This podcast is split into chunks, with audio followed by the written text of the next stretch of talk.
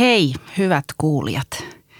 Ja tervetuloa Seinöön kaupunginteatterin Lämpiöelämää podcastin pariin.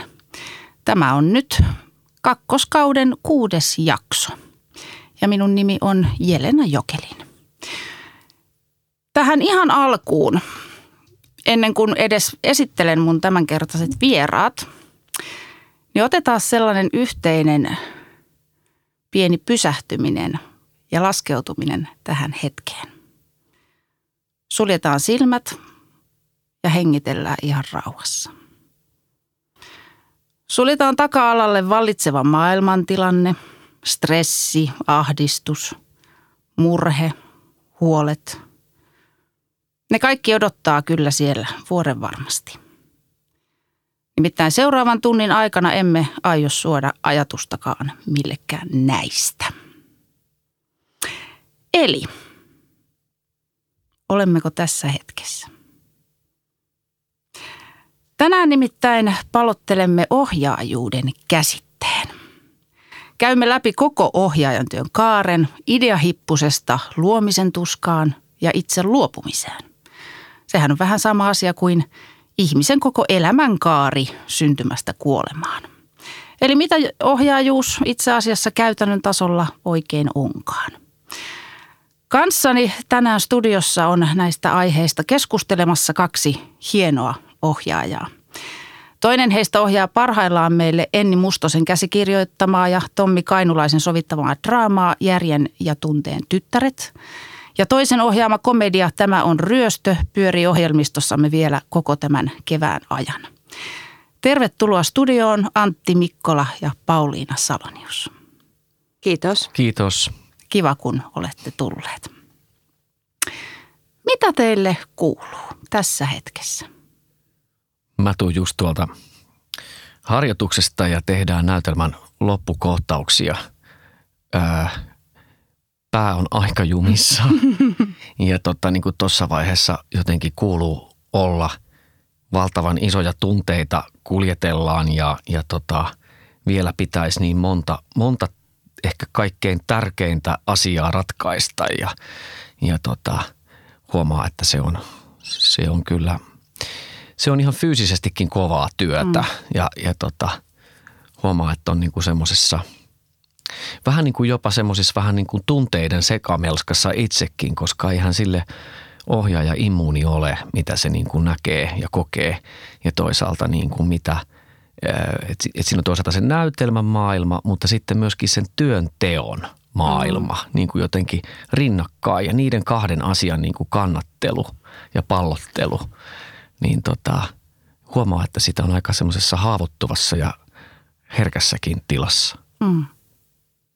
Ja mä taas sen tulen tuolta aika hektisestä palaverista liittyen tähän vallitsevaan tilanteeseen, josta emme tänään tässä Aivan. puhukaan, mutta siitä syystä ehkä ihana laskeutuu juuri tähän sun pehmustetun kopin rauhaan, joten emme puhu niistä asioista, mutta, mutta väistämättä ne tuolla takaraivossa pyörii.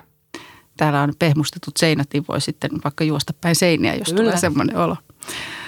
Äh, lähdetään sitten jostain liikkeelle. Mulla on tosi paljon kysymyksiä ja katsotaan, katsotaan mitä tästä tulee – Tota, ensinnäkin näytelmiähän on maailmansivu pullollaan ja niitä tulee koko ajan lisää. Minkälaiset teokset saavat teidät kiinnostumaan? Eli mitä näytelmästä pitää löytyä, että te päätätte tarttua siihen? No mä sanoisin, että se on aika intuitiivista, miten se valinta tulee, että, että kyllä sen teoksen pitää lähteä jollain tavalla soimaan sisäisesti, että resonoimaan, että siinä on jokin henkilökohtainen side tai halu kertoa juuri se kyseinen mm. tarina ja, ja sen, vaikka se ei olisi henkilökohtainen, niin, niin se pitää jotenkin, siinä pitää olla semmoinen tulla visio, jonkinlainen halu tarttua siihen ja se on monia asioita. Teokset mm. saattaa olla hyvin erilaisia ja syyt tarttua niihin erilaisiin, mutta kyllä se on joku semmoinen henkilökohtainen palo, että se alkaa synnyttämään jotain sisäisesti, että se kasvaa niin suureksi, että se pitää saada ulos. Mm. Joo, tuohon on helppo tarttua. Ihan just noin se on ja, ja itsellä ja, ja sitten se on niin kuin joku semmoinen kivi kengässä, että tulee niin kuin joku idea mm. ja sitten se on idea, mutta sitten huomaakin huomenna, että ajattelee edelleen sitä. Että se, niin kuin vaan, että se on niin kuin kivikengässä, että ne, se ne. vähän niin kuin varoittaa itsestään. Että, ja sitten sit alkaa, niin kuin, että miksi mä koko ajan mietin tätä. Aivan. Ja, ja siihen voi olla eri syitä, että joskus joku näytelmän nimi saattaa olla semmoinen, että se nimi vaan jo synnyttää niin kuin mm, jonkun, mm.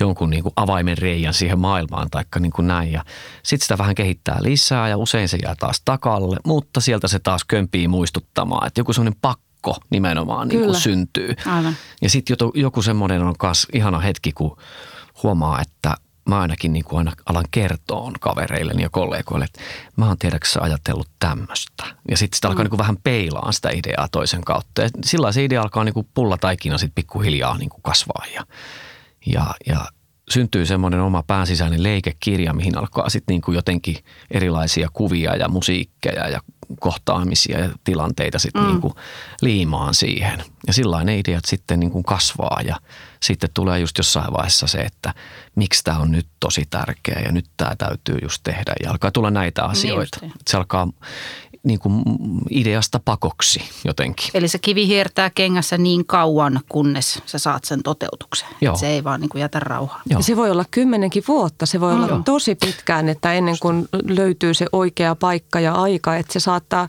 niin kuin jotenkin ty, niin kuin, ikään kuin olla tuolla alitajunnassa ja, ja, ja niin kuin se prosessi elää siellä vaikka mm. välillä tiedostamattomastikin, mutta et, et sitten se muuttuu merkitykselliseksi itselle ja, ja sitten se vaan on pakko jossain kohtaa pullauttaa. Meni. Mm. Mutta mitä sitten tällaisissa tapauksissa, jos te ette vaan voi toteuttaa sitä kyseistä näytelmää tai ideaa? Koska sitäkin varmaan tapahtuu. Että sit... mm. Totta kai, mutta mulla ainakin onneksi sitten on aika monta. niitä, niin kuin, että, niitä on niin kuin mon, monta. Taikka, mm. Jos mä sanon monta, niin en tarkoita kymmentä, mutta mm. kolme mm. esimerkiksi. Mm. Niin kuin, että, että, että yleensä sitten vaan joku pää lähtee niin kuin vetämään ja, ja sitten voi olla, että, että joskus se käy yksinkertaisestikin, että mm – että sanoo just teatterijohtajalle vaikka, että hitsi mua olisi tämmöinen kiinnostanut. Ja sitten toinen innostuukin heti siitä. Mm-hmm. Yhtäkkiä se onkin jo vuoden päästä tuotannossa ikään kuin ja pöydällä jotenkin. Kyllä. Ja sitten ne muut ideat jää hetkeksi sinne, sinne tota, taka-alalle. Käykö teille silleen, että te sanotte jonkun oman ideanne tai visionne tai tämän, tämän mä haluan tehdä ja sitten se joku toinen varastaa sen? Kauheeta. Niin, voihan se olla, tota, niin, no kyllähän nyt näin on, että, että toisella ohjaajalla saattaa olla sama teos tuolla alitajunnassa mm. kypsymässä ollut jo ties yhtä kauan, että, että niin. Niin. Onhan se mahdollista. Ei ole osunut omalle kohdalle, mutta, mutta tota, kyllä sitä niin kuin läheltä piti tilanteita on ollut varsinkin siis sillä tavalla, että jos on vaikka kiinnostunut kirjoittanut joku romaani, mm. että tästä saisi hyvän, niin sitten tuleekin, ei hemmetti, ne tekee leffaa tästä justiinsa. Aivan. Ja, ja tota, ää, vaikka se on niinku eri asia, niin sitten täytyy niinku miettiä, että onko järkevää, mm. järkevää niinku jotenkin tota, tehdä samaan aikaan, kun se juuri tulee tuonne isolle mm. kankaalle, niin sitten samaa juttua. Joskus ne tukee toisiaan, että se vähän niinku riippuu näytelmästä ja tilanteesta, mutta mm. ei ole onneksi tullut semmoista, että olisi täytynyt niinku vetäytyä sen takia – niin, aivan. Hei, minkälainen näyttelijä ruokkii ja inspiroi teitä?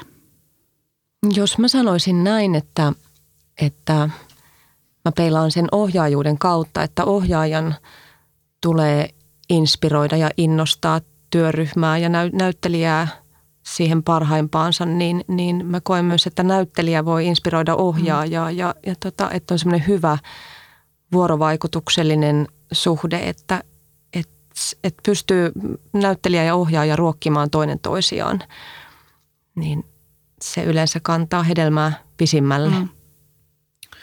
Joo, tunnistan tuon. Kyllä se jotenkin niin kuin, tunnen aina niin kuin sitä ohjaajan velvoitetta ikään kuin, niin kuin kaataa sitä informaatiota ja mm. energiaa – näyttelijää, joka kuitenkin lähtee aina myöhemmin niin kuin siihen prosessiin.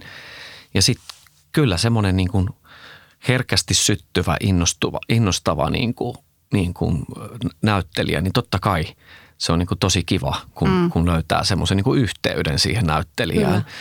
Mutta sitten toisaalta, toisaalta semmoinenkin on kauhean ihanaa, että, että näyttelijä, joka niin kuin innostuu ja sitten niin kuin kehittää sitä rohkeasti niin kuin omaan suuntaan, tuo siihen jonkun ihan uuden jutun, niin, niin tota, se on tietysti tärkeää myös. Eli alkaa haastamaan ohjaaja. Just näin. Kyllä. Joo, Joo. just näin. Ihan niin kuin minua kuvailisit. no niin, mennään takaisin. tota, minkälainen on teidän näkemys, näkemyksen mukaan hyvä ohjaaja? Te vähän jo itse asiassa sivusitte sitä nyt äsken. Mä ehkä lähestyn sitä ohjaajuutta ylipäätään niin kuin, ö, näyttelijän näkökulmasta, kun mä olen koulutukseltani näyttelijä. Mm. Niin, niin tota, se on niin kuin jotenkin, no mä, mä lähtisin jotenkin tuohon koko kysymykseen niin kuin sitä kautta, että, että sen näyttelijyyden kautta. Mm. Että jotenkin mulle on ollut kauhean tärkeää se oivallus, että näyttelijä on niin kuin sekä instrumentti että soittaja. Mm. Ja, ja tota, ää, silloin ohjaajan täytyy ikään kuin tunnistaa sen näyttelijän äänen väri mm. ja ikään kuin katsoa, että mikä soitin se on ja sitten auttaa sitä soittamaan. Ja, ja tota, vastaanko mä ollenkaan kysymykseen? Vastaan. joo, joo, joo. niin tota, mm, jos mulla on ollut joskus ehkä semmoisia kokemuksia, että ei itselläni, mutta se ehkä seurannut niin sivusta sitä, että, että yritetään saada jostakusta sellainen ääni, mitä siinä ei ole. Mm. Eli se on vähän niin kuin koettaisiin, niin kuin, että tässä pitää olla huilu, että miksi sä oot tuuba. Niin.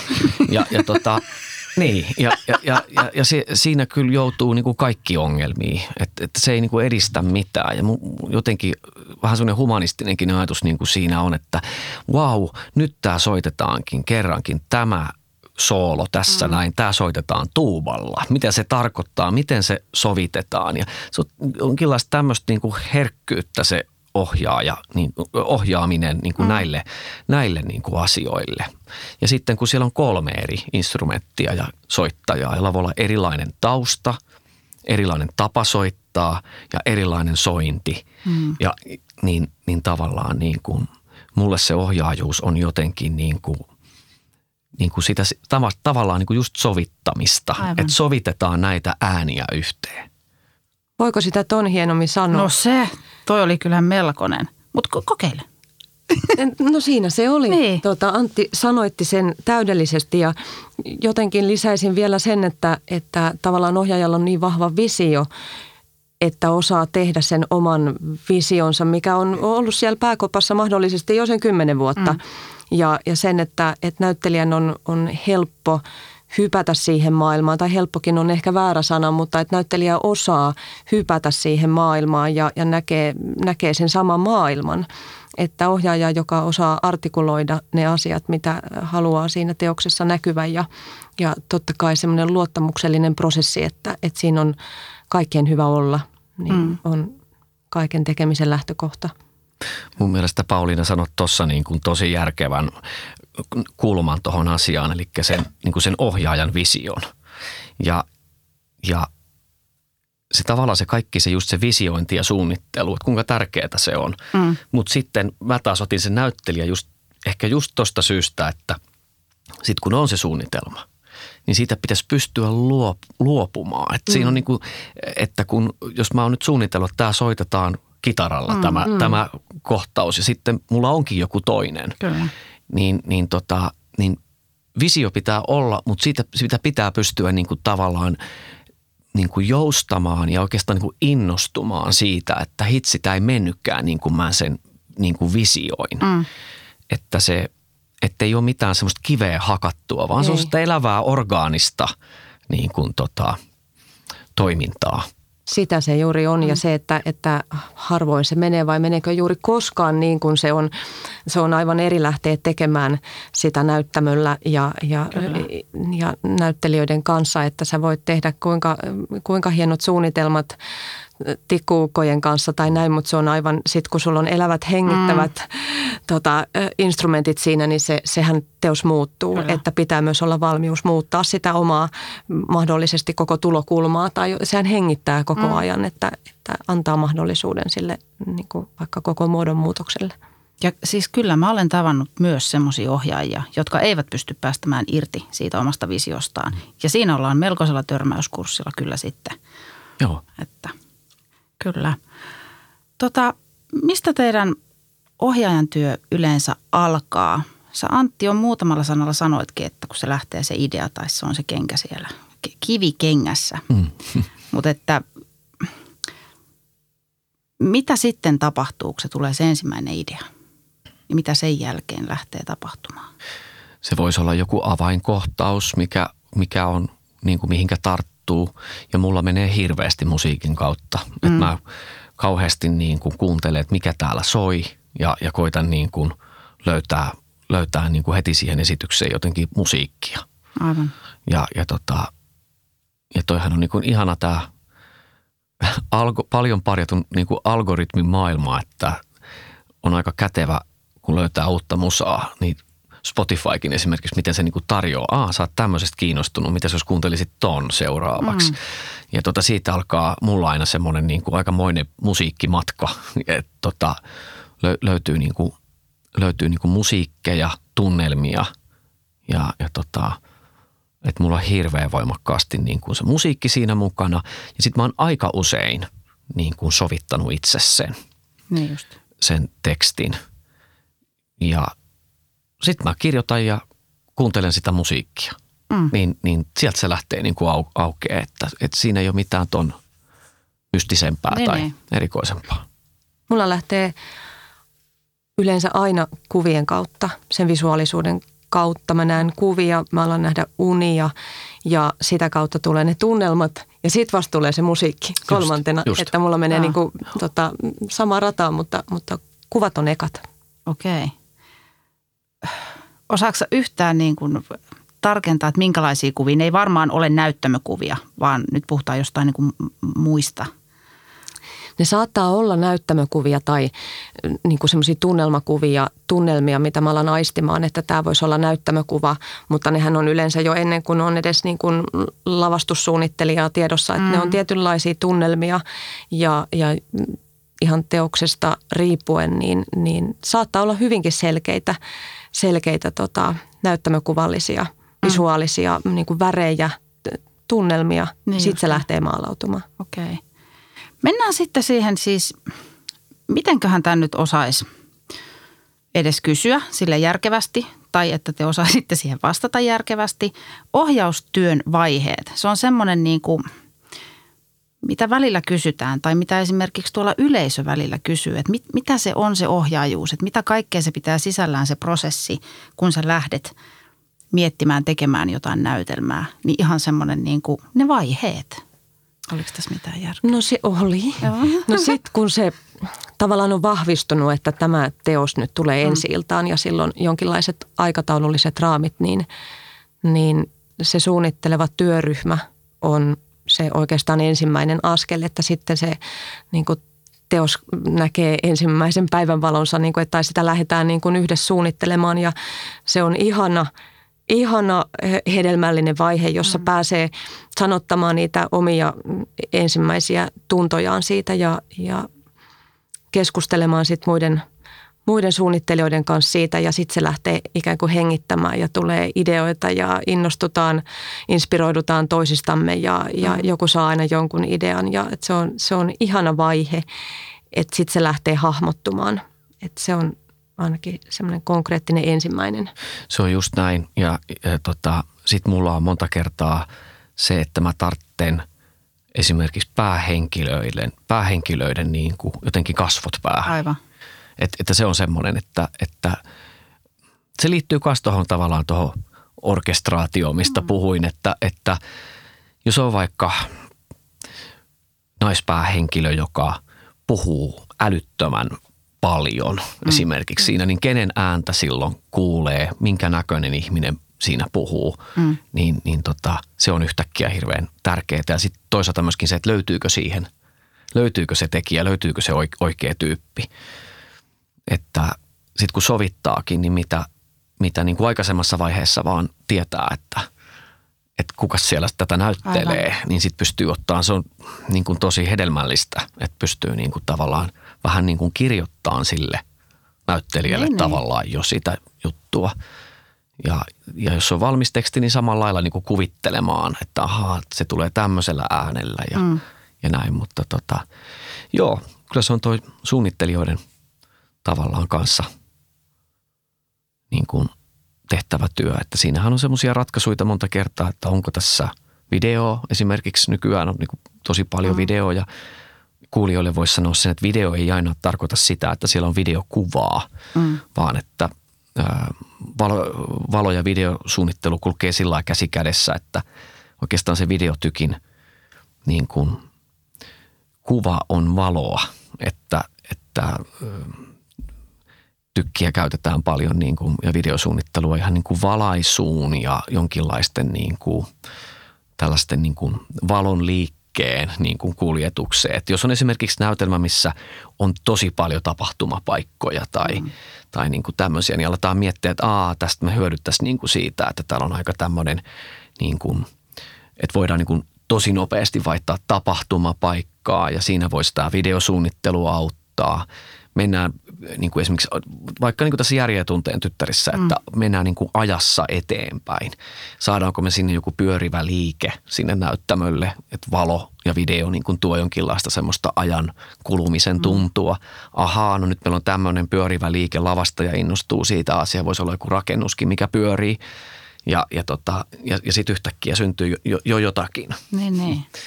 Eli sillä pystytään kertomaan myös tarinaa sillä. Nimenomaan, Joo. nimenomaan nimenomaan ja hyvät suunnittelijat ei lähde siitä mun mielestä, että, että näyttääkö tämä hyvältä, vaan se, että se ensimmäinen kysymys, että miten palvellaan sitä tarinaa mm. ja sen niin kuin näin. Ja sitten se tavallaan se, että se vielä näyttää hyvältä, niin sitten se on niin kuin se mm. piste iin mm. päälle. Ja tosi tärkeä piste. Aivan. Mutta tota, että jotenkin, että kaikki tukee sitä draamaa ja kertoo mm. sitä, sitä tarinaa. Et joskushan näkee semmoisia esityksiä vaikka, että mm, no tässä toi ohjaaja nyt soittaa omaa lempikappalettaan, niin, niin. mutta tota, se ei välttämättä liity nyt tähän teokseen niin kuin ihan kauhean hyvin. Mm. no. Pakko sanoa tuohon vielä, että mulla on ihan sama mitä Antti sanoi, että, että alkaa nähdä tai pitää nähdä näyttelijän kasvot, niin mä näen väistämättä näyttelijän kasvot mm. ja, ja tota, niin, niin se on jotenkin mä koen, että se on hyvin tärkeää, koska se, se synnyttää niin paljon asioita tai vaikuttaa siihen, että mi, niin kuin miten sen asian näkee, että kuka mm. siinä on päähenkilönä esimerkiksi, että, että se, se, sillä on iso merkitys.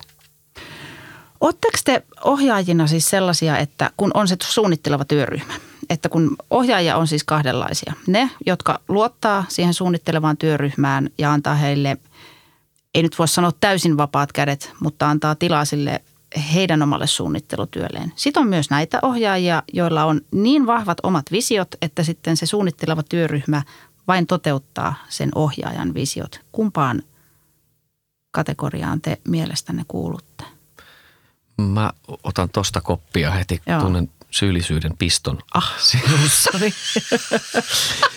että tota, ää, niin kuin ton valon ja lavastuksen suhteen, niin kyllä mä – sanotaanko näin, että mä oon joustavampi kuin musiikin suhteen. Että mm. musiikin ja äänen suhteen mä oon tosi tarkka, mutta mä sanoisin niin kuin rakentavasti niin, että mä annan vaan vähän ahtaammat kehykset, että niin kuin tarkemmat rajat niin kuin sille. Ja sitten se on ihanaa, kun, kun tota, kuitenkin useimmiten käy niin, että, että niin kuin äänisuunnittelijat ihan – niin kuin hienosti ottaa vastaan niin kuin sen, että vau, että sullahan on paljon jo tässä mm. niin kuin tätä, tätä kamaa. Niin sitten sit niin kuin vaan, että, että hyvä äänisuunnittelija osaa lähteä myöskin niin kuin kehittämään siitä aika tarkastakin materiaalista kuitenkin vielä viemään sen sitten niin kuin, niin kuin omiin nimiinsä niin, niin. Niin kuin sen suunnittelun ja viemään sen niin kuin pidemmälle ja, ja jotenkin niin kuin yhdistämään sen. Mutta mä oon varmaan niin kuin ton, just ton äänisuunnittelun suunnittelun kannalta, niin, niin tota, mä oon hengitä heti niskaa, jos soi väärä, väärä, väärä biisi. ei, ei saa tehdä virheitä. Aivan. Virheitä ei tehdä. tota, mä sanoisin diplomaattisesti, että sekä että. Joo. Että mä ehkä korostaisin sen merkitystä, että, että miten, miten ohjaaja artikuloi sen, sen vision taiteelliselle suunnitteluryhmälle mm. siinä alkuvaiheessa. Tärkeintähän on, että kaikki saataisiin näkemään se sama maailma ja se sama, sama visio jollain tavalla. Ja totta kai se jalostuu, totta kai niin. se on yhteistyötä ja, ja tota, niin, mutta kyllä mä jotenkin mm, näen, että se on, se on yhteistyötä mm. ja, ja tota, kaikilla on oikeus sanoa mielipiteitänsä ja, ja tota, se on semmoista niin kuin, ei siinä missään törmäyskurssilla nyt suoranaisesti olla, mutta se on semmoista niin kuin, kaikki hakee paikkansa ja, mm. ja tota, mutta ehkä se on niin kuin tärkeää, että pystyy sanottamaan sen, että mitä ollaan tekemässä, että kaikki pystyy hyppäämään siihen.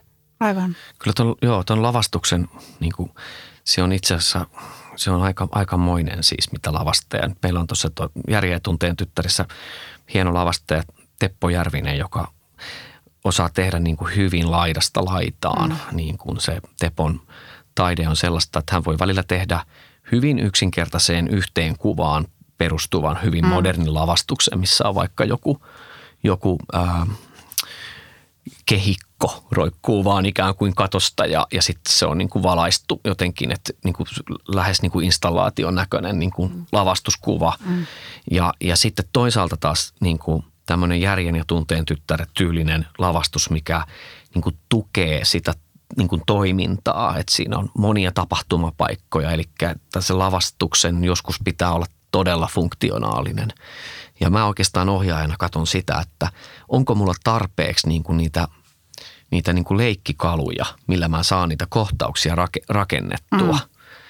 Ja, ja tota, et, et sen suhteen se, se on kauhean tärkeää se lavastajan kanssa niin kuin tehtävä tota, semmoinen niin kuin dialogi, mm. että, että miten, mm. miten saadaan aikaiseksi hyvän näköinen juttu ja, ja, ja, tota, ja sitten niin kuin luotua ne tilanteet, mitä siinä näytelmässä on. Ja se on tosi iso ja haastava paletti.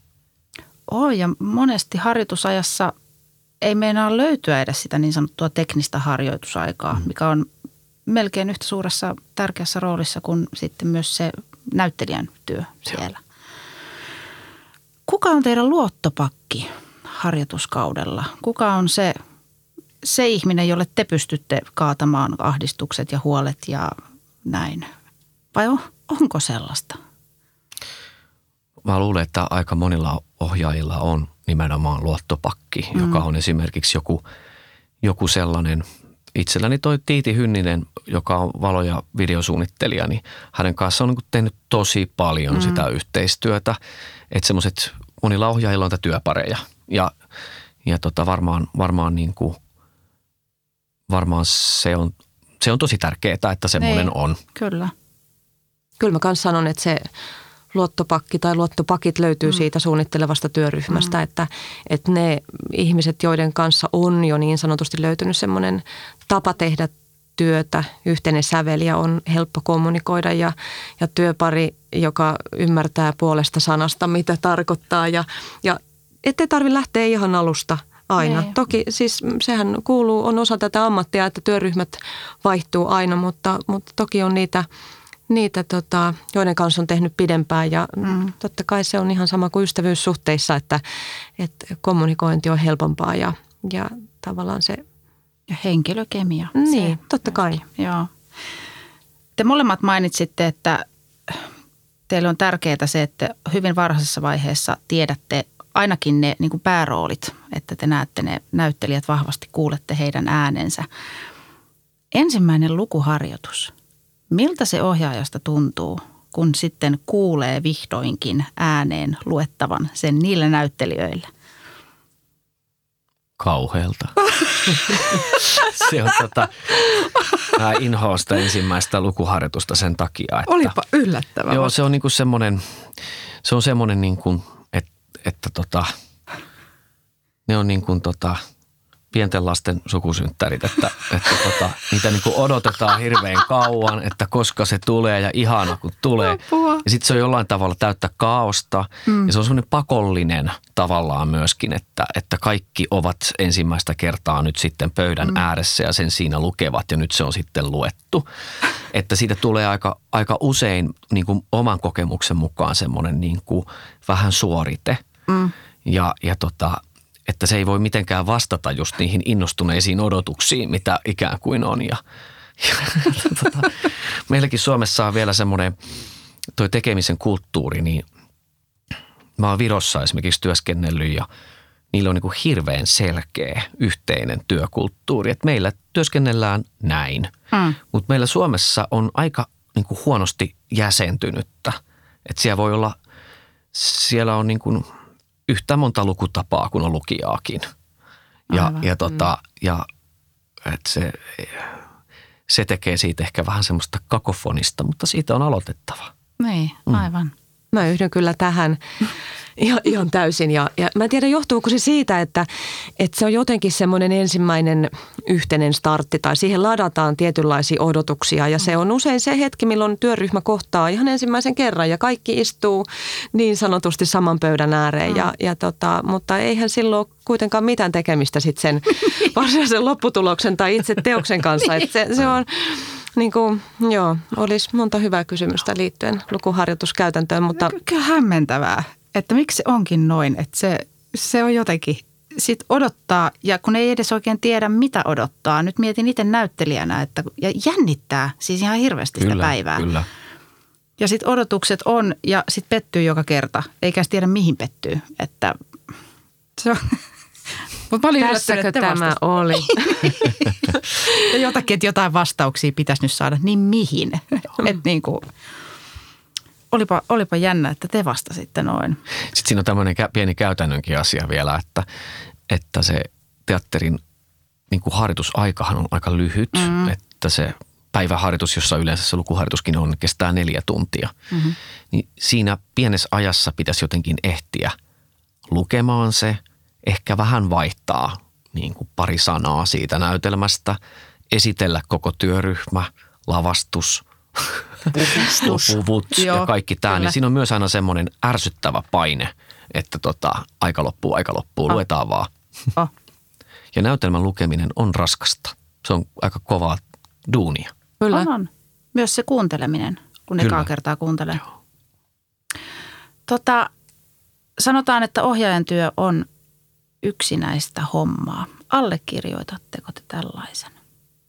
Tietyssä mielessä on. Mm. Joo, just, just noin, tietyssä mielessä. Mm.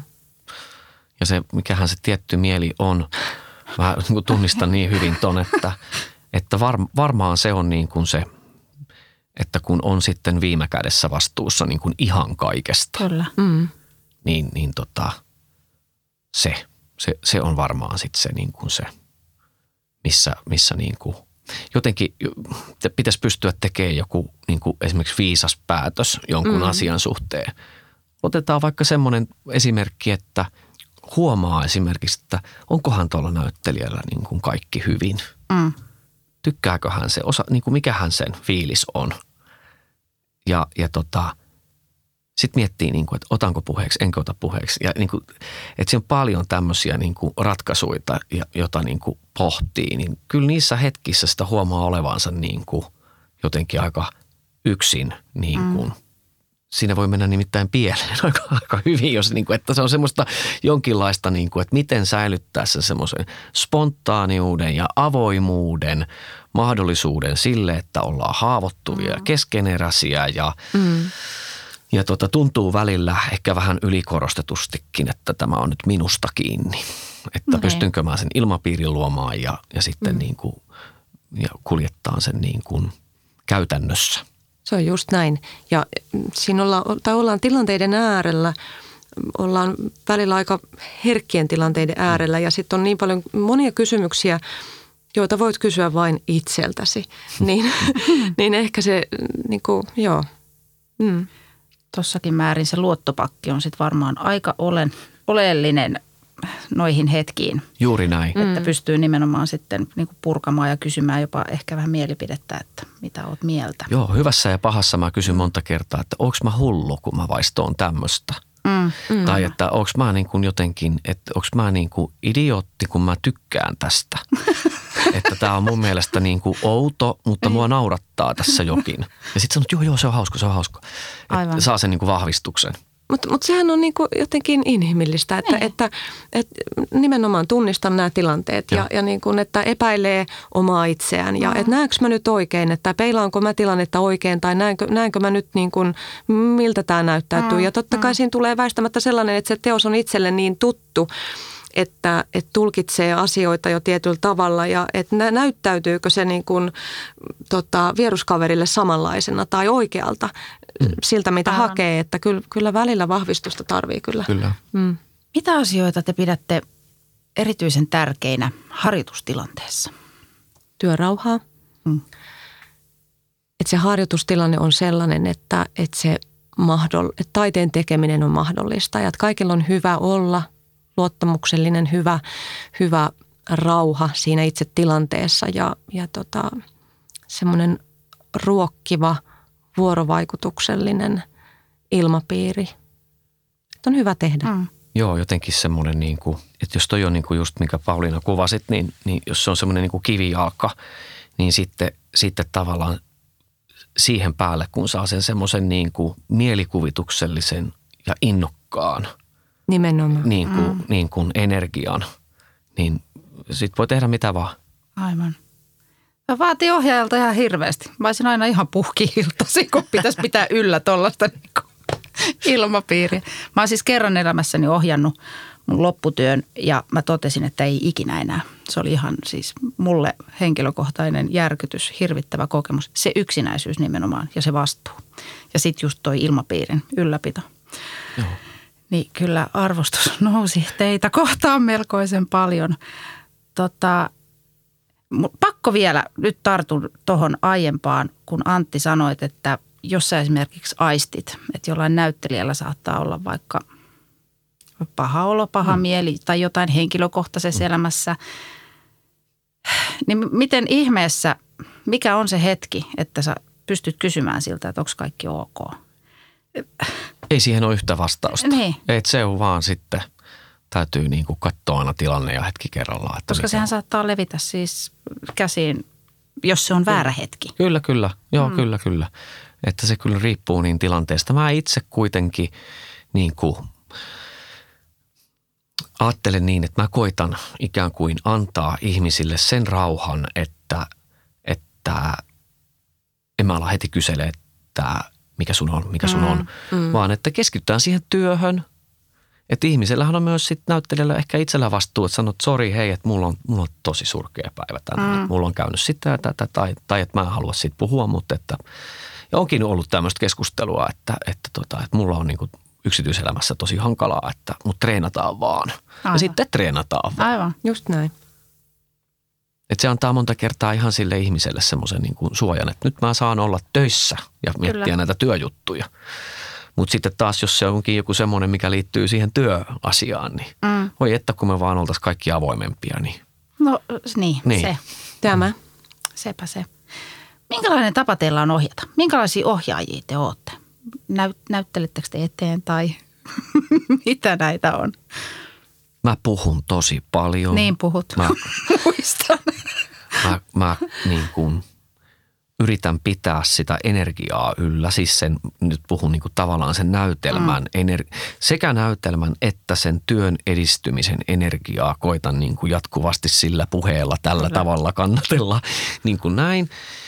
Ja, ja sitten mä puutun tosi paljon kaikkeen, mm. mutta mä oon vaan kokenut sen niin, kuin niin että, että sitten kuitenkin sitä kautta näyttelijä niin kuin oppii jotenkin nopeammin mm. ja saa niin kuin nopeammin sellaiset niin kuin, mitkä, ne, mitkä niin kuin merkit, mitkä niin, siis askelmerkit, ke, ke, että saa niin kuin askelmerkit jotenkin paikalleen. Ja siinä on se hyvä puoli, että – että, tota, että silloin ikään kuin keskitytään siihen konkretiaan. Eli siihen, että ai niin mun piti istua tässä. Ai niin nyt, mun, nyt se sanoo, että mun piti juoda mm. tässä se lasi ja tossa viedä se pois. Niin sitten mä niin kuin vaivihkaa ikään kuin – mun ei tarvitse silloin ohjata sitä, että hei tässä sä oot tosi surullinen. Niin, tässä, niin kuin, joka on niin kuin, tosi hankalia ohjeita näyttelijälle, vaan pysytään siinä konkretiassa mm. mahdollisimman paljon. Niin aivan. se jotenkin tuntuisi vievän niitä paineita ikään kuin pois. Kyllä. Toimin taradan ikään kuin ohjaamista sillä tavalla, että se tukee sitä sen kohtauksen niin kuin moodia ja sitä kyseistä tilannetta toi kun sanoit, että puutut herkästi, muistan. Ja se oli hyvin vapauttavaa se sun puuttuminen, se, että saman tien esimerkiksi, jos sä näit, että mä lähdin ikään kuin tekemään jotain asiaa väärään suuntaan, sä heti laitoit topin. Ja sit sä kommentoit vaan, jotta sä et tee turhaa työtä kolmea tuntia, niin laittaa heti toppi ja lähdetään vähän toiseen suuntaan. Että se oli niin kuin okei, okay, no niin, jotta ei tulisi illan päätteeksi. Niin, että sä annot mun koko illan nyt sitten kuitenkin räveltää tässä. Joo. Että se oli kyllä. Mitäs Pauliina? No kyllä mä lähden sieltä suurien linjojen kautta, että mulle on tärkeää ehkä just sen, sen takia, että mä hahmotan sen teoksen jotenkin hyvin kuvien kautta tai vis- visuaalisuuden kautta ja sitten sen teoksen kokonaisrytmin niin kuin kautta, niin ensin lähtee tekemään niitä suuria linjoja ja, ja tota, sitten vasta sen jälkeen oikeastaan niin kuin toimintoja tarkemmin ja, ja sitten analysoimaan ja, ja tekemään syvemmin ja sitten mm. lisäämään aina niin kuin kerta kerran jälkeen niitä kierroksia. Ja sitten se on oikeastaan niin kuin tykkään, no tykkään monesta työvaiheesta. Mä tykkään siitä, siitä niin kuin alkuvaiheesta, missä niin kuin tehdään ne suuret linjat. Mm. Ja sen jälkeen jotenkin tuntuu aina itsellä, että se asettuu, että itse hahmottaa sen niin kuin, tota, jotenkin niin kuin kokonaiskuvassa ja, ja okei, että tämä on vaikka kohtausten rytmi, vaikka sitä itse kohtauksen sisäistä rytmiä ei ole vielä luotu, mutta mm. mä hahmotan sen ensin kokonaisuudessaan ja sitten lähtee tekemään niitä pienempiä osa-alueita sinne ja, ja tota, siitähän se on hedelmällistä, kun pääsee näyttelijän kanssa siihen vuorovaikutukselliseen hetkeen, että ruokitaan toinen toisiamme, että tulee impulssi tota, näyttelijältä ohjaajalle tai ohjaajalta näyttelijälle mm. ja näkee, miten se alkaa konkretisoitumaan siellä näyttämöllä, että, että se on, se on niin kuin ihanaa ja miten se näyttelijä lähtee, lähtee luomaan siellä ja luottamaan siihen, siihen tota, ja mi, mitä se näyttelijä tarjoaa. Ja, Aivan. Mä sanoisin, että se on vielä sitä tuossa niin omassa jotenkin askartelussa, niin se on sitä niin kuin, että se puuttuminen, niin kuin se on myöskin semmoista yhteisen kieliopin niin kuin luomista. Kyllä. Miten tässä lavastuksessa kannattaa liikkua? Koska niillä on ihan hirveä ero, jos tekee vaikka Shakespearea tai kolmea sisarta mm-hmm. tai niin kuin näin. Niillä on niin kuin ihan älytön ero niin kuin keskenään, että mitenkä sitä pitää niin kuin näytellä, mitenkä täällä ylipäätään, niin kuin mitenkä ylipäätään seistään tässä, mm. tässä niin kuin mm. näytelmässä. Ja sitten niin kuin tavallaan kun se näyttelijä saa vähän kiinni siitä, niin sitten se niin kuin ymmärtää sen kieliopin ja alkaa sitten niin kuin luomaan, mm. luomaan niin kuin itse niitä tarjouksia niin kuin sen, sen pohjalta. Että hei, jos tämä tulisikin tässä nyt täältä ja sitten niin kuin ne kohtaukset alkaa vähän ohjaa jo itse itseään myös. Joo. Mm. Ö, löytyykö teiltä esikuvia tai jotain suuresti ihailemianne ohjaajakollegoita Suomesta tai maailmalta? Mulla on toi Kalle Holmberg. Mm. Että mä, mä sain niin kuin parhaan mahdollisen startin niin kuin jotenkin teatteriuralleni siinä, kun mä olin semmoisena 17-vuotiaana avustajana Pyynikin kesäteatterissa ja Kalle Holmberg ohjasi sinne Pohjantähden alla – ja, ja tota, musta se oli ihan huikeeta, mm. että miten, se tapa, miten hän ohjas. Ja se oli vielä semmoinen tapa, joka jotenkin ehkä istui siihen semmoiseen omaan perusenergiaan, että se sitten sattuu olla vielä semmoinen niin kuin tyyli, että jotenkin, että joo, no, noin mäkin niin kuin näen ton asian. Mm. Ja sitten just sillä oli kauhean ihana se, että se hän niin kuin, ää, Kalle oli hirveän niin kuin uskomattoman energinen tyyppi, että se niin kuin todella vielä vanhanakin niin kuin miehenä, niin, niin jotenkin niin kuin, jotenkin tuntui välillä, että se niin kuin fyysisesti itse pyörittää sitä katsomoa. että se oli niin siis semmoisessa niin kuin, että, että, että jotenkin niin kuin niin kuin mahtavassa. Siis se esityksen energia mm. oli hänessä ja sillä hän se pitää olla, että ohjaajalla on niin kuin sisällään sen esityksen energia ja se tartuttaa sitä niihin näyttelijöihin Kyllä. ja, ja tota, sitten yhtäkkiä ensiltä lähestyy, niin se ohjaaja niin kuin luopuu siitä energiasta ja sen pitäisi olla nyt siellä näyttämällä. ja ja tota, se oli jotenkin mielettömän, mielettömän hienoa ja, ja hän on oli kerta kaikkiaan niin kuin älykäs, älykäs ja huikea, huikea ohjaaja, että hän on, hän on kyllä mun esikuvani. Mm. Mulla liittyy myös hyvin, tai hyvin varhainen muistikuva tai muistikuvat tota, 90-luvun alusta Turun kaupunginteatterista ja Juha Malmivaara ohjasi Tummien perhosten kotia. Ja mä olin silloin hyvin, hyvin nuori ja mä kävin katsomassa aina koulun jälkeen tota, harjoituksia. Ja mä inspiroiduin niin kovasti Juhan työstä ja, ja tota, teoshan on itsessään aika, aika niin kuin rankka mm. ja, ja suhteessa siihen, että mä olin, mä olin aika nuori silloin, niin, niin Juhan tapa ohjata teki niin suuren vaikutuksen silloin nuoren koululaisminäni, että, että mä muistan edelleen äh, sen niin kuin myöskin sen energian, millä Juha ohjas. Ja ihan muistan ne näyttämökuvat ja tunnelmat, näyttelijät lavalla ja muistan repliikkejä. Mm-hmm. Toki mä oon sen ohjan, se on yksi näistä teoksista, jotka on itselläkin sitten kymmenen vuotta niin kuin lähtenyt sisäisesti mm. soittamaan tuolla tota, mm. säveliä, että se on pakko ollut, ollut sa- saattaa ulos – mutta, mutta Juha teki niin ison vaikutuksen silloin, että se oli, niin kuin muistan, että se on ollut ensimmäisiä hetkiä, milloin mä oon ajatellut, että vau, että, että ohjaajan, ohjaajan ammatti on kyllä aika siisti. Et tota, ja, ja teos oli tosi hieno. Hieno ja tota, on Malmivaaran töitä nähnyt paljon, mutta mä kävin katsomassa sen, mä en edes muista kuinka monta kertaa, mm. mutta 10 ja 20 kerran välillä. Okay. Et, tota, todella kolahti. Kyllä, todella kolahti. Joo. Sitten, hei, pelkotilat, kauhuskenaariot ohjausprosessin aikana. Mitä kaikkea kauhuskenaarioita te käytte läpi? Tai onko sellaisia? Saako ohjaajalla olla sellaisia? Pitää kai olla, eikö se ole jonkinlaista itsesuojeluvaistoa mm-hmm. tai, tai mm, tota, inhimillistä, mutta mut sanoisin kuitenkin näin, että, että jos pelkää, niin ei kyllä voi ohjata. Mm. Että kyllä se, niin kun, jotta sä voit johtaa työtä ja inspiroida muita, niin että sä pelolla voi ohjata.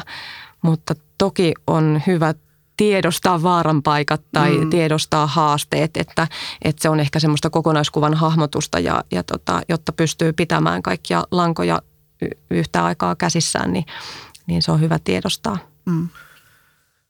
Joo, kyllä siellä myrskyn keskellä on semmoinen tyyni paikka. Mm. Sinne pitää uskaltaa mennä. Mm. Että siellä, että et niin kuin se ongelma tulee kaikesta väistämisestä. Pitäisi aina tehdä sitä, mikä vaivaa. Että mennä mm. niin kuin kohti niitä ongelmia. Niin sieltä löytyy semmoinen niin kuin oma, oma niin kuin tyyneys. Tässä sanotit Antti on noin jotenkin runosielu. Se, Antti on tänään tämmöinen runosieluinen meininki. Se oli se kitarasoitto ennen kuin ruvettiin Se oli se. Nyt mulla katosi ajatus, mulla oli, pak, oli siis kysymys mielessä liittyen tuohon äskeiseen. Joo, pystyttekö sanoa, mikä voisi olla pahinta, mitä voisi tapahtua rokkiksen aikana? Syvä hiljaisuus niin on tulee paljon mieleen. Mm. Mä en yleensä niin kuin, se liittyy just tuohon noin, mitä sanoin, että sitä mm. menee niin kuin kohti niitä ongelmia niin kuin ennen kuin niistä tulee ongelmia. Sehän on se niin kuin tavallaan mm. se ihan tekniikka, että ottaa jonkun asian puheeksi ennen kuin siitä tulee ongelma. Mutta varmaan sitten jos miettii, että mikä se pelko siellä taustalla on, että miksi niin kuin se on niin mm. tärkeää mennä, niin, niin kyllä se on varmaan niin kuin se, että – että jos kerta kaikkiaan ei sitä yhteyttä esimerkiksi löydy vaikka näyttelijän kanssa, mm. niin se on niin kova paikka, että jos, jos niin kuin näyttelijällä on se, että mä en pysty tekemään tätä, tiedätkö, mä en usko tähän. Aivan. Että mä, mä, tämä on niin kuin semmoinen kohta, että mä en suostu sanoa tätä repliikkiä tai niin kuin joku, joku niin kuin, tässä ajassahan on nyt hirveästi just tätä, että mitä teatterissa voi sanoa, mitä mm. voi näyttää. On tämmöisiä niin kuin herkkiä sensitiivisiä juttuja. Jotenkin mua aina pelottaa se, että, että tota, että niin kuin, mitäs jos tästä tuleekin joku niin kuin semmoinen juttu, että, että mä en niin kuin saa tätä kommunikoitua semmoisella tavalla, että, että mä vaan niin kuin löydä toista. Aivan. Niitä on näyttelijä sanoo ohjaajalle, mm. että mä en kerta kaikkiaan usko suhun, mä en pysty olemaan tässä mukana. Niin, niin. Se on hirvein tilanne, mm. mitä voi olla ja miten semmoisesta pääsee yli. Niin. Et, mutta ihan yleisesti onhan, jos ajattelee vaikka kirjailijan työtä, niin, niin ehkä tässä on semmoinen sama niin kuin aina semmoinen tyhjän paperin kammo, että mm. aina se niin kuin pelko siitä, että, tai aina lähdetään alusta, nollasta, mm. tyhjästä, lähdetään sieltä, että syntyykö tästä mitään, että se on ehkä semmoista niin kuin, toisaalta semmoista tervettä, että se pitää, se pitää myös niin kuin, mm. ehkä myös jotenkin järjissään ja, ja tota, nöyränä tilanteelle, että, että tota, ainahan se vaara on. Eihän me koskaan tiedetä, kun lähdetään tekemään, että tuleeko tästä hitti tai, tai mitä mm. tästä syntyy. Aivan. No entäs sitten, mikä siinä kiehtoo eniten siinä ohjaajuudessa? Mikä teidät pitää vuosi toisensa jälkeen kiinni ohjaajuudessa? Siinä on joku sellainen, mm, niin kuin, se liittyy jotenkin ainakin itsellä semmoiseen niin kuin kontrolliin, että siinähän on älytön kontrolli päällä samaan aikaan, kun jotenkin se, siinä on joku semmoinen aivan mielipuolinen, siis kontrollin ja kontrolloimattomuuden joku semmoinen niin kuin, siis mielikuvitus, nimenomaan mm. se, se on se kontrolloimaton. Eli niin kuin ei tiedä, mitä ideoita tulee. Että on jotenkin auki jollekin mm. semmoiselle aivan hullulle ja, ja kuitenkin niin kuin jatkuvasti kontrolloi sitä niin kuin, niin kuin kaasu ja jarru niin, tavallaan niin kuin mm. yhtä aikaa. Ja sitten se, sit silloin kun se sujuu, niin, niin se on kyllä todella hieno fiilis. Ja kun tekee niitä löytöjä, että tulet, mm. mistä tämä tuli – mistä mm. tämä tuli, tämä on loistava idea ja, ja niin kuin se, niin se, on, se on aina niin kuin yhtä jotenkin ihanaa. Joo ja just niin kuin se, että voi hypätä aina eri maailmoihin ja olla kiinnostavien aina eri aiheiden äärellä ja jotenkin saa olla – tutkimusmatkailijana ja etsiä ja löytää. Ja just nämä hetket, kun joku asia konkretisoituu, niin, niin se voittajafiilis, mikä, mikä niissä hetkissä on. Ja, ja tota, se kun näkee, että joku onnistuu, näyttelijä onnistuu työssään tai kuka tahansa työryhmän jäsen onnistuu ja se, se niin kuin yhteinen, y, yhteinen tota, työmäärä jotenkin muuttuu näkyväksi, niin, niin ne on hienoja hetkiä ja, ja tota, mm, mutta jotenkin semmoinen uuden äärellä oleminen ja semmoinen, se on aika skitsofreeninen ajatus mm. se, että mm. et sä et niinku tiedä mihin sä hyppäät, mutta sä niinku hyppäät pää edellä jonnekin. Hirveä halu ja, hypätä. Ja siitä, hirveä halu, että tämä on nyt niin merkityksellinen, että mä hyppään pää edellä tänne.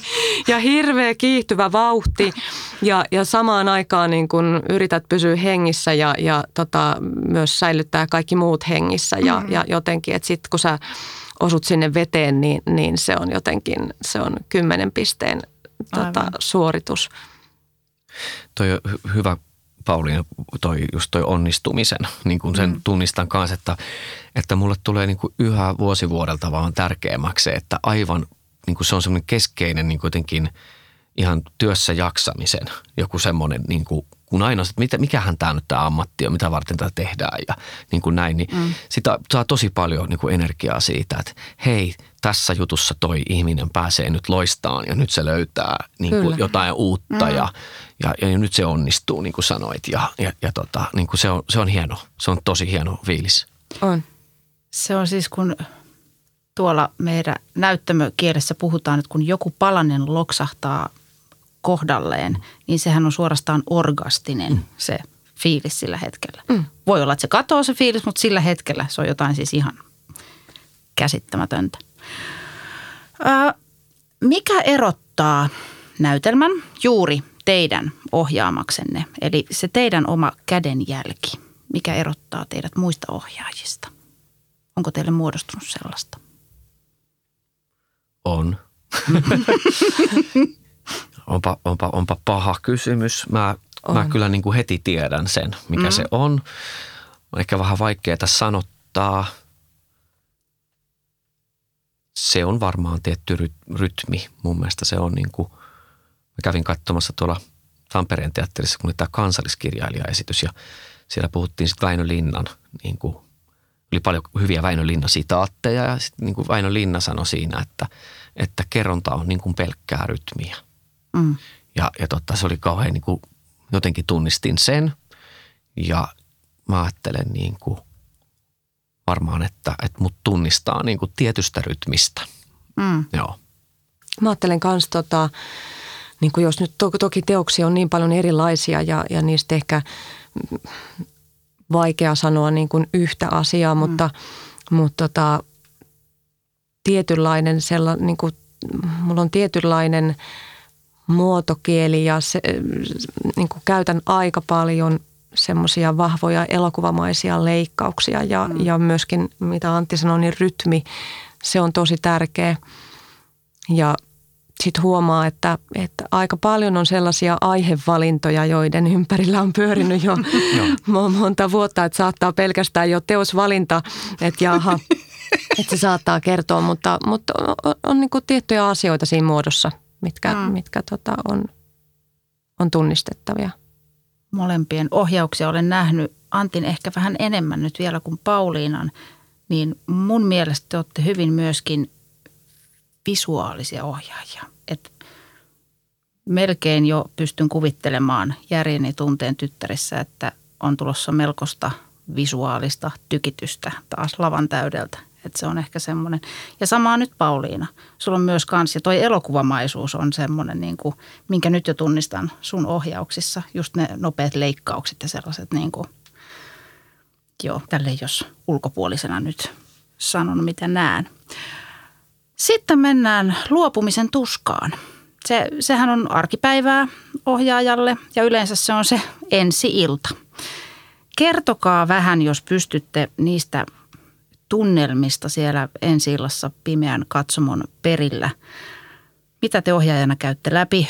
Kun te näette teoksen valmiina, joudutte päästämään irti ja luovuttamaan sen työryhmän käsiin. Mä tota, mä en, to, to, aina, aina puhutaan just tuosta luopumisen mm. tuskasta. Mä, mä en koe sitä samalla lailla, että, että en, mä niin kuin sitä semmoista luopumisen tuskaa, mutta aika nopeasti alkaa tulee semmoinen ulkopuolisuuden tunne. Mm. Et, että, että semmoista mä niin kuin poden, että, että sitten kun tulee vaikka parin esityksen jälkeen katsomaan esitystä, mutta ihan niin kuin, että mä en kuulu tähän porukkaan enää. Et siis, Oi, ei, ei. ei. Et se, semmoinen, niin kuin, semmoinen ulkopuolisuuden Joo. tunne on niin kuin tosi, tosi iso. Mutta No. en mä, en mä sitä luop, semmoista luopumista Niin. jotenkin, mun mielestä se on niin kuin tosi kiva, että nyt tähän esitykset lähtee ja Mm. jes. Mä yhdyn täysin tuohon tohon ulkopuolisuuteen ja sen tunteeseen, että se on aika jäätävä. Mm. Ja, ja tota, Mutta mut sekin on sellainen, että, että mitä tulee siihen luopumiseen, niin ehkä kun se on jo niin, sä oot asennoitunut siihen ja se, se ei tule yllätyksenä Mm. Niin. Ensi illassa, että sä et kuulu enää porukkaan. niin, niin se on tota, ehkä niin kuin, sanotaan näin, että on toki teoksia, että on niin kuin, jotkut teokset vaan muodostuu. Ehkä siinä on joku henkilökohtainen mm, niin kuin asia, miksi jotkut teokset muodostuu henkilökohtaisimmiksi tai niihin tulee jonkinlainen tietynlainen side, Mm. mikä voi olla voimakkaampi kuin toisen teoksen kohdalla, niin saattaa olla, että on työryhmä, josta on vaikeampi luopua, että on ollut niin kuin kaikki mennyt niin kohilleen, että on haikea hetki. Että, et tota, mutta joo, se ulkopuolisuus, tähän, tähän yhdyn kyllä ihan täysin. Aika surullistakin tuommoinen, niin kuin. mutta joo, kuuluu asiaan. Niinhän se on. Mm. Tuleeko teillä koskaan semmoinen niin kuin ikävä, että te haluaisitte palata johonkin teokseen vai onko se sillä kohtaa sitten kun se ensi tulee, onko se niin jotenkin, miten se sanotaan, pureksittu, että ei siihen enää mielikään sitten niin kuin palata? No saattaa olla, mulle on käynyt niin ja on tälläkin hetkellä, että on joku teos, jonka, jonka olet ohjannut, saattanut sen ensi ja, mm. ja siitä on jäänyt vielä niin kuin hampaankoloon ikään kuin, että se on jäänyt vielä niin kuin resonoimaan, että se ei olekaan jättänyt sua rauhaan, että, että sä et ole saanut sanottu kaikkea, mitä sä oot halunnut. Ja, ja jää tarve, että tää pitää, mun pitää niin kun kertoa tämä tarina uudestaan. Ja nyt niin kun sit se alkaa tuottaa uutta visioa ja uutta ehkä näkökulmaa, lähestymistapaa, mitä tahansa, mutta et, et on jonkinlainen sisäinen palo, että tämä ei jättänytkään rauhaan. Tämä tuli ensi iltaan, mutta se ei ollutkaan siinä. Että, että, että, että sitten se lähtee elämään omaa elämää. Että se, sille niin kuin on pakko löytää uusi Niin paikka, että se tulee ulos ja, ja tota, sitten se on niin kuin vol kaksi. Kyllä, kyllä. Joo, joo. Joo kyllä sitä niin kuin, äh, mun mielestä mä tunnistan tuon, mitä Jellu sanoi tuosta, että, että se on niin pureksittu. Mm. Kyllä siihen vähän myös kyllästyy. Mm. Niin kuin siis sillä tavalla, että no niin nyt, nyt on niin kuin kaikki vie, et viety niin kuin maaliin mm. ja sillä tavalla, että, että tota, et ton tunteen tunnistan ja sitten toisaalta joskus on sitten jotain semmoisia, että jos on ollut joku erityisen tärkeä juttu mm. itsellä, niin, niin kuin, tavallaan niin kuin vähän kaipailee sitä juttua ja Niin. miettii, että hitto, pitäisi tehdä jotain vastaavanlaista tai niin kuin Joo. tällainen. Että itsellä esimerkiksi se Rakkaita pettymyksiä rakkaudessa, mm. minkä ohjasin tänne Seinäjoelle silloin 2015, kun se oli joskus silloin niin tota, se on semmoinen, mihin, ja nyt varsinkin kun on tullut tänne Seinäjoelle takaisin, niin tulee paljon muistoja siitä mieleen ja, ja tota, on aina semmoinen, että hitto soikoon, se oli kyllä, se oli kyllä hauska, voi että, Mm. voi että, kun löytyisi joku vastaava materiaali tai näin. Aivan. Ja sitten käy myös niin, että, että on saatettu pyytää jostain teatterista, että tuutko ohjaamaan tänne, että sä oot ohjannut tän jo tonne teatteriin, mutta tuutko ohjaan toisen kerran saman teoksen, niin mm. kun se on hyvä käydä keskustelu siinä kohtaa itsensä kanssa, että, että et, et kuulostellaan, että onko oikeasti mitään kerrottavaa. Ja usein Aivan. se on kyllä niin kuin melkein väistämättä niin, että, että tuntuu kyllä, että nyt on kaikki sanottu, mitä, mitä niin kuin on ollutkin tarve Niin, niin. sanoa, että, että ei, ei, niin kuin, ei pysty lähtemään. Eli te tarvitsette aina sit siihen jonkun sen uuden tulokulman, jotta te voisitte ohjata toisen kerran saman prokkiksen. Niin, tai sen pitää, sen pitää jotenkin kaihertaa siellä Joo. kengässä uudestaan, että se ei ollut tässä. Että, että toki jokaiseen teokseen lö- löytää uuden tulokulman ta- tai ku- kun sitä lähtee kaivamaan, mutta, mm. mutta onko se sitten niin kuin hedelmällistä ja, ja tota, pystyykö silloin inspiroimaan muita, niin, niin en ainakaan omalta kohdalta usko, että Mm. tota, kyllä se pitää olla niin kuin merkityksellisempi. Mullahan kävi sillä kun Romeo ja Julia tehtiin tänne, niin, niin tota, mulla alko, oliko ensiltä tyyliin torstaina, Mm. no joka tapauksessa loppuviikosta, niin mä aloin maanantaina tekemään Romeo ja Juliaa uudestaan oppilastyönä. Ja silloin kun pyydettiin, niin, niin tota, tota, se oli ton Suomen teatteriopiston niin kuin juhlavuosi, että voitko tulla ohjaamaan Romeo ja Julia. Ja mä sanoin heti silloin, että en voi. Mm. Ja sitten mä aloin miettiä, hetkinen, no nythän olisi niin kuin matsku aika niin kuin tuttu mm. siinä vaiheessa. Mutta se tuntui hirveän raskaalta ajatukselta, mutta sitten kun siihen lähti niin kuin liikkeelle, niin sitten kävi toisaalta se, että syttyi niistä nuorista. Ja sitten huomasi, että tähän on ihan eri. Aivan. Ja tästä tulee ihan eri juttu. Mutta kyllä se ajatus oli todella raskas aluksi, mutta tota, että kyllä sitä näköjään niin kuin jaksaa sitten innostua ihan siis siitä niin kuin niistä ihmisistä. Aivan. Että tota, sitten ne ihmiset ehkä synnyttää sen innon uudestaan siihen mm. tavallaan siihen sisältöön, mutta Mutta että niin kuin noin nopeasti, että muutaman päivän se tauko. oli ihan sikaa. kun meilläkin oli kuitenkin aika raju, intensiivinen jakso tässä alla, niin tota, huhhuh. Tota, tota. Mulla on enää yksi kysymys teille tähän loppuun. Näin tämä aika hurahtaa. Unelmat tulevaisuuden suhteen. Minkälaisia ammatillisia haaveita teillä on? No mulla on muutama kivi kengessä taas, mitä, mitä tota, pyörittelen ja, ja tota, ää, Tai jos ei sano, niin kuin, ei ole pakko paljastaa prokkiksia, mutta semmoisia niin kuin, mitenköhän tämän muotoilisi, mitä haluatte saavuttaa, mis, mitä kaikkea on vielä tekemättä, näkemättä, kokematta. Olisiko se jotenkin tälleen helpompi? No joo, mä mm. otan tuohon vähän itse asiassa vasta, vastakkaisen niin kuin tavallaan. Äh, mä oon ollut pitkään freelancerina ja, ja se on niin kuin pakottanut koko aika siihen nimenomaan niiden uusien juttujen semmoiseen niin kuin aika maaniseenkin niin kuin luomiseen ja keksimiseen ja, mm. ja sitten tavallaan niiden töiden niin kuin kehittämiseen, konseptoimiseen, tarjoamiseen teattereille. Ja, ja tota, nyt mä huomaan itse asiassa olevani kauhean onnellinen just siksi, että mulla ei ole mitään semmoista maalia, että tonne mm. mä haluan, tonne mä haluan. Että nyt mä oon just tässä ja tää on tosi kivaa. Että mä huomaan, että – että, tota, että mä, mä en just nyt tällä hetkellä aseta mitään semmoisia, niin kuin, että sitten kun mä saan ton niin, tehtyä, niin. niin sitten mä oon siellä ja sitten mä menen tonne ja niin kuin näin, vaan tässä on niin kuin just nyt täällä Seinäjoella niin tosi hyvä. Oi, mahtava. Joo, mä myös mietin tässä, että, että toki on niin kuin innostus niistä tuotannoista, mitä tietää, että on mm. tulossa ja, mm. ja se, että saa tehdä hyviä juttuja, jotka on tärkeitä ja, ja ensi syksynä – oma käsikirjoitus tulos näyttämölle, niin, niin innostus siitä ja jännitys ja kaikki nämä mahdolliset pelko, pelkotilat tähän päälle.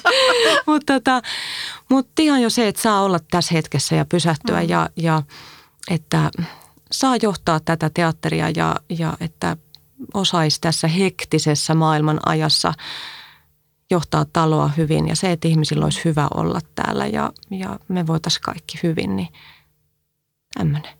Mm. Eli toivomme maailman rauhaa. Sitä. Joo. Sitä päälle. Jos teillä ei ole enää mielessä hampaankolossa mitään, mitä haluaisitte vielä tähän loppuun sanoa, tuleeko jotain mieleen ennen kuin klousaan?